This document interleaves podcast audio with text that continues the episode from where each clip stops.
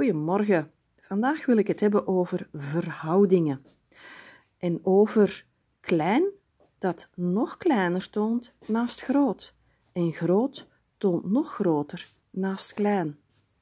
Dit is bijvoorbeeld interessant als we spreken over accessoires. Beeld je in een welbepaalde vorm van een welbepaalde grootte. En je omringt die vorm door andere vormen die merkelijk groter zijn. Wel, die eerste vorm gaat kleiner tonen. Omring je diezelfde vorm door andere vormen die merkelijk kleiner zijn, dan gaat die ene vorm groter tonen. Alles is dus een kwestie van verhoudingen. Nu, we kunnen dit natuurlijk toepassen met bijvoorbeeld accessoires. Stel, je hebt zeer zware polsen en een stevige hand.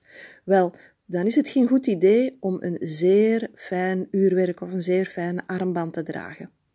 Want jouw polsen en jouw handen gaan in verhouding nog groter tonen.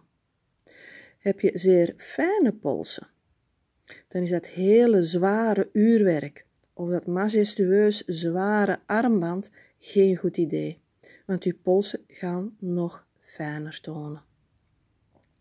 En heb je bijvoorbeeld een zeer grote voet, een zeer grote schoenmaat, dan is het beter om een broekspijp te dragen die ietsje breder is.